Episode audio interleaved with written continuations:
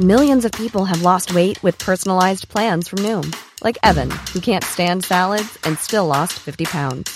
Salads, generally, for most people, are the easy button, right? For me, that wasn't an option. I never really was a salad guy. That's just not who I am. But Noom worked for me. Get your personalized plan today at Noom.com. Real Noom user compensated to provide their story. In four weeks, the typical Noom user can expect to lose one to two pounds per week. Individual results may vary. Life is full of what ifs. Some awesome, like what if AI could fold your laundry? And some, well, less awesome, like what if you have unexpected medical costs? United Healthcare can help get you covered with Health Protector Guard fixed indemnity insurance plans. They supplement your primary plan to help you manage out of pocket costs. No deductibles, no enrollment periods, and especially no more what ifs. Visit uh1.com to find the Health Protector Guard plan for you. Millions of people have lost weight with personalized plans from Noom, like Evan, who can't stand salads and still lost 50 pounds. Salads, generally, for most people, are the easy button, right? For me, that wasn't an option. I never really was a salad guy. That's just not who I am. But Noom worked for me. Get your personalized plan today at Noom.com. Real Noom user compensated to provide their story. In four weeks, the typical Noom user can expect to lose one to two pounds per week. Individual results may vary.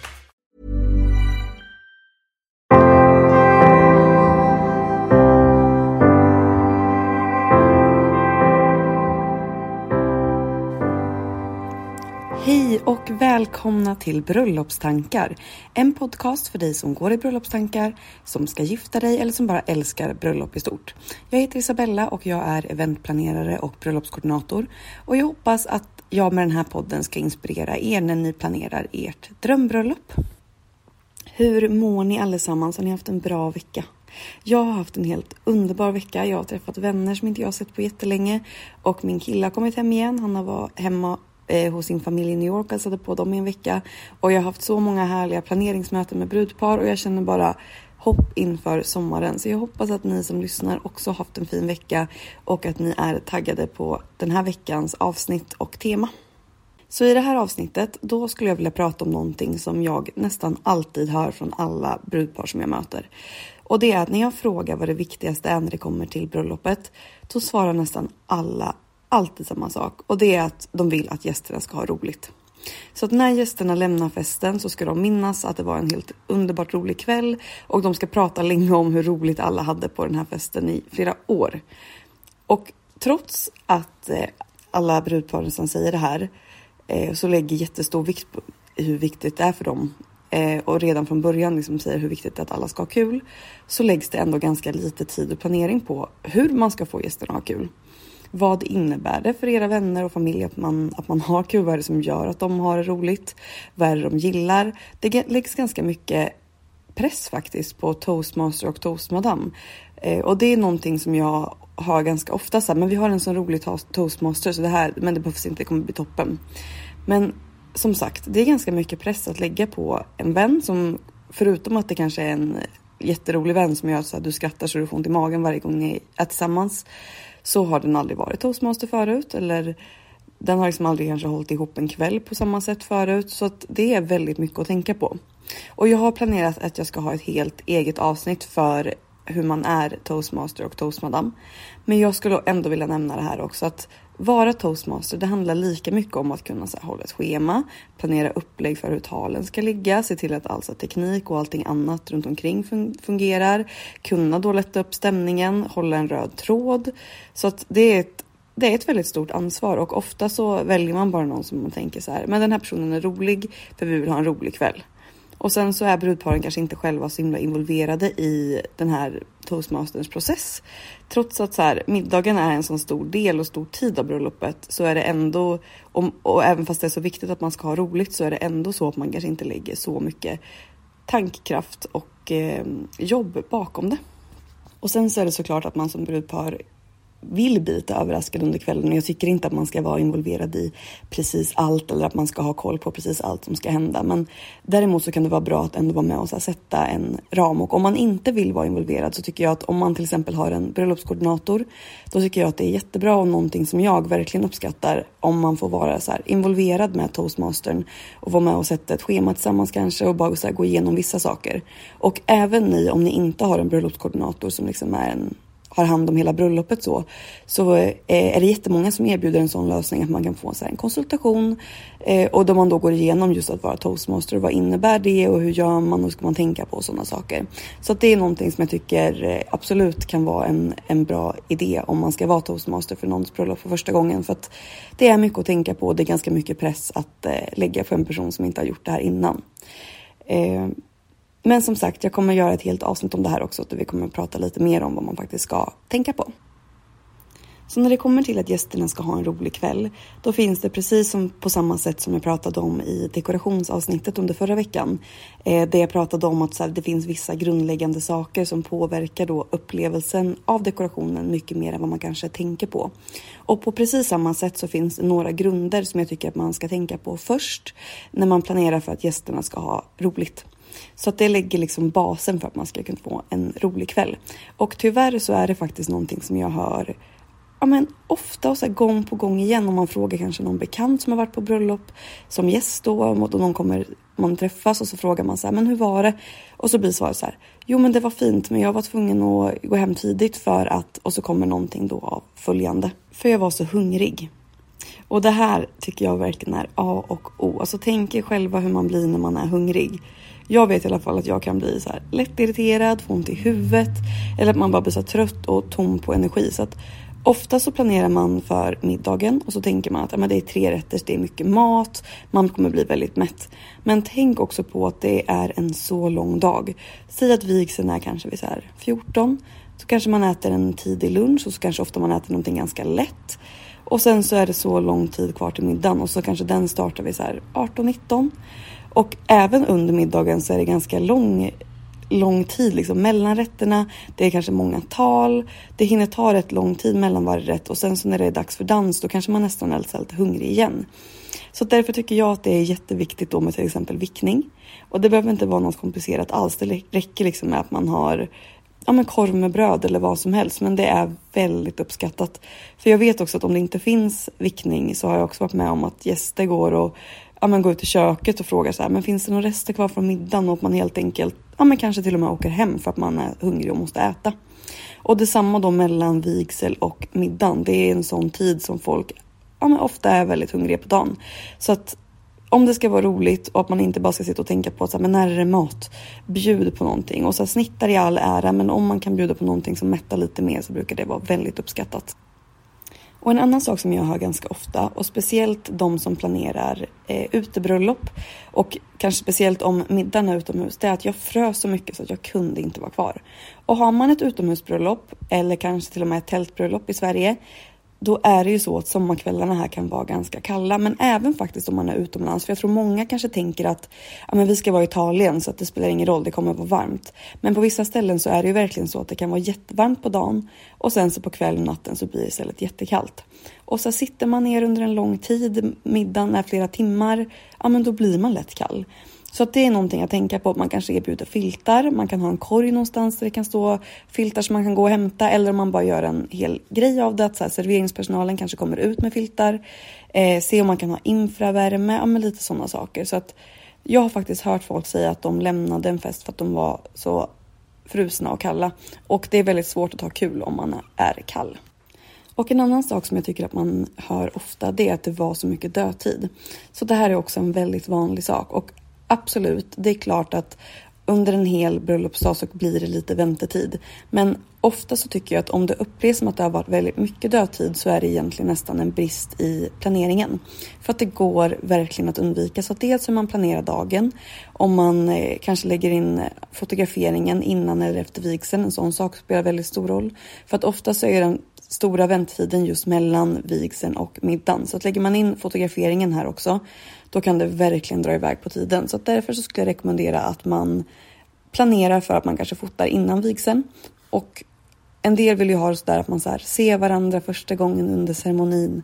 Och då är det ju jättesvårt såklart att man tar bilder innan. Men jag skulle säga att det blir också vanligare att man har en first look. Och att man då tar sina bilder med eh, ja, men kanske sina brudtärnor och sina marskalkar. Och att man sen efter vigseln i så fall fotas med så familjen och lite mer mingelbilder och sådana saker. Men då har man i alla fall avverkat det som kanske tar mest tid. Och har man planerat så att man har en längre stund mellan vigseln och middagen som har lite mer så den här mingelkänslan. Att planerar man för den stunden att det är en del av dagen och inte så här, ser det bara som dödtid, då kommer det inte heller kännas så. Utan det kommer, planerar man för det så kommer det inte upplevas som dödtid utan det kommer kännas som en del av bröllopet. Så det tycker jag verkligen att man ska göra. Och nästa sak som jag tycker att man ofta hör om någon säger att de inte hade en så rolig kväll, det är att de inte satt med några roliga personer. Och det här kan ju vara ett ganska så här känsligt ämne när man sätter sin bordsplacering. Men när ni planerar för det här, försök att tänka på att alla ska sitta med någon som de har väldigt roligt tillsammans med. Och sen så tycker jag att det är självklart att man ska blanda liksom olika vänner och sådana saker ja, men till en viss del för att det är ju ert bröllop och det är så himla fint att se sina vänner och sina, sin familj blandade. Men alla har också roligast om man sitter med någon som man känner och som man har väldigt roligt med. Så försök inte att så planera att det ska sitta en person vid varje bord som är en väldigt så rolig person som får något typ av så socialt ansvar för att alla ska ha kul. Utan det är mycket bättre om alla får sitta med någon som de garanterat har roligt med och som ni tror kanske att de kommer passa väldigt bra ihop med. Så att det gör ingenting om det är lite olika så här, ljudvolym från alla borden. Försök inte att så här, skapa så att alla bord har samma dynamik utan det viktigaste är att alla får en chans att träffa lite nytt folk och samtidigt sitta med ett ja, men säkert kort som man alltid har kul med. Så att, återigen, middagen är en så stor del av bröllopet. Man sitter där så många timmar så att hur man är placerad gör jättemycket för upplevelsen. Och till sist nu då, det var för mycket tal. Så att här har vi toastmasterns uppgift återigen nu då, att hur mycket tal ska det få vara? Hur långa ska talen få vara? Hur ska man lägga upp det? Det spelar väldigt stor roll. Och jag vet faktiskt bröllop där man började med talen ja, men alldeles för sent in i middagen, vilket gjorde att festen aldrig ens hann komma igång för att det var så mycket tal hela kvällen och det blir inte roligt. Och sen så tycker jag att för brudparen så är ju tal helt underbart att få. Så jag tycker verkligen inte att man ska vara för stressad för att det ska vara för mycket tal. För att det är en sån ja, men fin present från gästerna till er som brudpar som har ordnat allt det här. Så att det är återigen planeringen. Hur många tal ska ligga i följd?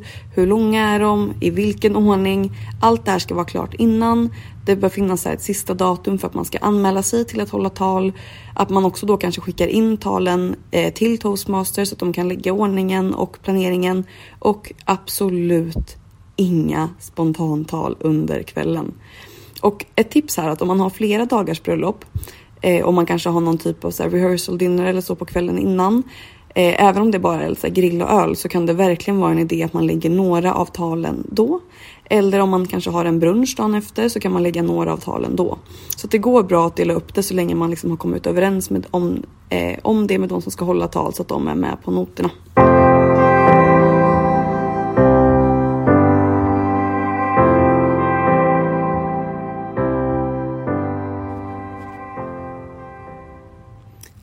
Sådär, då har vi några av de grundläggande sakerna för att det ska bli så bra förutsättningar som möjligt för att det ska bli en rolig fest. Och sen så är det också så att alla som går på bröllop brukar vara så glada och taggade och tacksamma så att det blir roligt. Så att fixar man de här bassakerna, då har man gjort det så mycket lättare för sig att det kommer bli så roligt som man vill ha det. Men en annan sak som jag brukar fråga då när brudparen säger det här att det viktigaste för oss är att det inte ska bli stelt utan att det ska bli så rolig fest som möjligt. Så att kanske bena ut det lite grann. Att vad är en rolig fest för er? Hur brukar ni ha roliga fester vanligtvis om det inte är bröllop? Vad är liksom receptet på en bra fest? För där hittar man också ganska många så här guldkorn och planera in för att det ska bli roligt. Så att en rolig fest för er är att man kanske ska leka lekar, man kanske ska planera in det då under middagen eller det är en rolig fest att man ska bjuda på shots, planera in det. Och många tänker som jag sagt i, fler, i tidigare avsnitt att nej men det här är ett bröllop, man kan inte göra det eller det. Men ofta så är det just att få in de här sakerna som känns väldigt mycket som ni och som ni brukar ha på era vanliga fester som brukar uppskattas så mycket och som verkligen lyfter festen. Och en annan sak som jag tänkte prata om här och som jag tycker är väldigt viktigt när det kommer till hur man skapar en rolig fest. Det är underhållningen. Och kanske så brinner jag lite extra mycket för det här för att jag kommer från en underhållningsbakgrund. Men våga satsa på underhållningen. Det är så otroligt uppskattat med liksom livemusik, med DJ och bara så underhållningsakter. Så att om ni ska ha ett band som spelar, se till att de förstår era gäster och vad de vill ha för typ av musik. Ehm, och detsamma om ni har en DJ, boka inte vem som helst utan se till att ni verkligen ja, men vet personens stil. Helst ha hört den spela innan och bara så här, se till att ni förstår varandra. Och just när det kommer till underhållning, att jag håller just nu på att planera ett bröllop som är jätteroligt där brudparet ska ha massa underhållning under middagen som till exempel så eldslukare och luftakrobater och massa andra roliga saker. Och jag förstår att det här är någonting som inte alla kanske kan eller vill lägga budget på. Men jag älskar ändå att man så förstår värdet av underhållningen och inte bara förväntar sig då att allt ansvar för att det ska bli en rolig kväll ligger på gästerna själva. Så här, hur roliga tal blir det? Utan att man istället så här, ja, men lägger underhållning under kvällen. Och det kan vara vad som helst. Det kan vara att någon bara så här, sjunger under middagen, att man så här, har något trumnummer, vad som helst. Men lägger man in underhållning, det är en superhöjare för stämningen.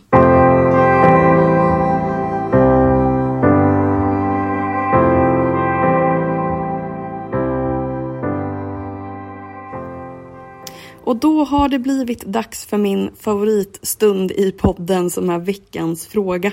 Och den här veckan så kommer frågan från Emily och hon skriver så här. Hej! Har du några tips på vad man kan göra under den väntetid som blir för gästerna på ett bröllop? Vi gifter oss vid 14, är klara ungefär med vid 14.45 och sen så tar det bara 10 minuter att gå till festlokalen. Vi vill helst inte köra igång middagen direkt utan helst vänta till 17.30. Vi behöver planera in någon aktivitet däremellan men är rädd att det kommer förstöra känslan. Panik att alla dricker ett glas bubbel och står och väntar och kollar på klockan i en timme. Har du förslag på vad man kan göra? Obs! Är allergisk mot tipspromenad och mingellekar så helst inget sånt.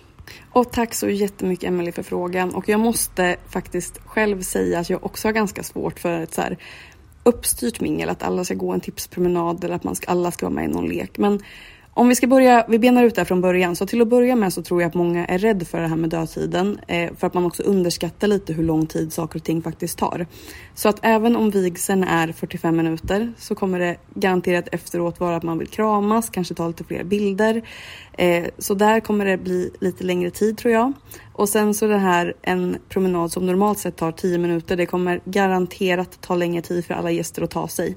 Och sen så efter då man har haft det här minglet eller den väntetiden så ska man också ta sig in i middagssalen. Så att där får man också räkna med att det kommer ta så här, ja men kanske 15-20 minuter innan beroende på hur många gäster man är då, men att alla sitter på sin plats. Så redan där har vi nog tagit bort ungefär så här en, en och en halv timme av minglet skulle jag nog tro. Så att var inte så rädd för den här tiden och om den planeras så är den ingenting att vara rädd för.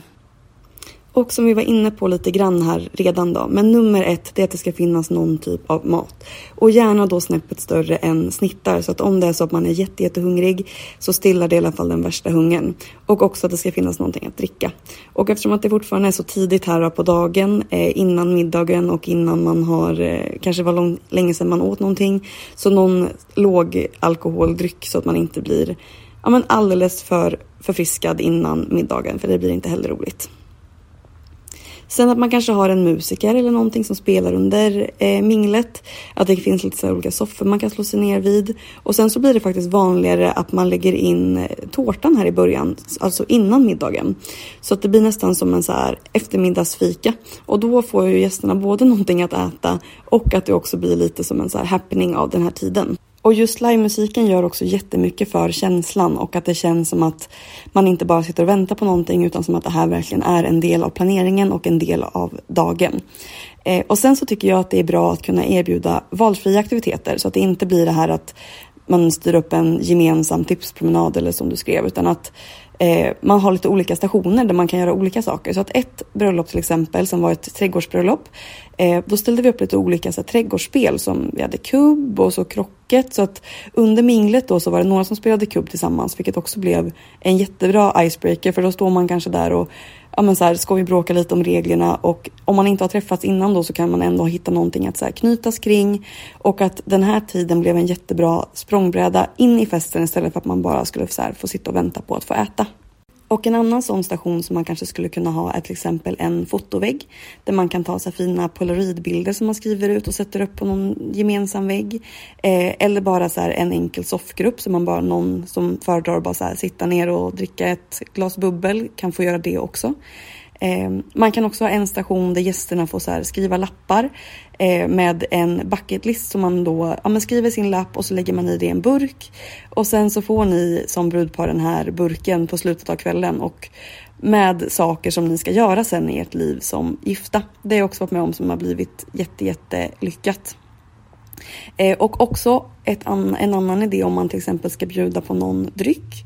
Eh, då är det kul med någonting som är kopplat till er. Så att säga att man eh, servera de två dryckerna som ni drack på er första dejt. Så att då kan man skriva liksom på, om man ska beställa det, att eh, den här personens eh, drink på första dejten eller den här personens drink på första dejten. Så att man knyter ihop allting lite som vi pratat om innan, att det finns en, en helhet som liksom ramar in stunden. Det gör ganska mycket för att den ska kännas genomtänkt och inte bara som en väntetid. Och sen så har jag sett vissa som liksom sätter in en hoppborg så att det går verkligen att göra ja, men stort eller litet eh, och om det, bara så här, eh, om det till exempel är ett sommarbröllop så kan man sätta upp en vagn med blommor eh, så att man kanske får binda sina egna kransar till exempel. Så det finns så mycket kul saker att göra. Eh, men jag skulle säga att det är att föredra att skapa lite olika så stationer så att gästerna själva kan eh, hitta dit de känner sig mest hemma och välja eh, själva att göra vad man vill. För att jag tycker precis som du, får man en lapp i handen och ska mingla runt och prata med alla, det kan bli ganska så här krystat. Eh, och att det kanske inte blir den bästa språngbrädan inför en bra fest utan stå olika stationer, då skapar man möjlighet för alla att kunna så här, vara sig själva och träffa lite nytt folk. Så då tycker jag att det oftast blir ett bättre mingel också. Så jag hoppas att du fick svar på din fråga här, Emily. Och med det sagt nu då så tror jag att det är ungefär så långt vi hinner idag. Eh, jag hoppas att ni fick med lite tips för att skapa då de bästa förutsättningarna för ett roligt bröllop som gästerna verkligen ska minnas och komma ihåg. Så bara för att sammanfatta det här kort nu då, så att planera för alla delar under dagen. Se ingen tid egentligen som dödtid utan det finns en mening med all tid under hela dagen. Se till att hålla gästerna mätta och varma. Eh, planera upplägget med tal och ha då en bra dialog med era toastmasters. Eh, lägg stor planering vid bordsplaceringen och planera för att alla ska få sitta så att de får en så rolig kväll som möjligt.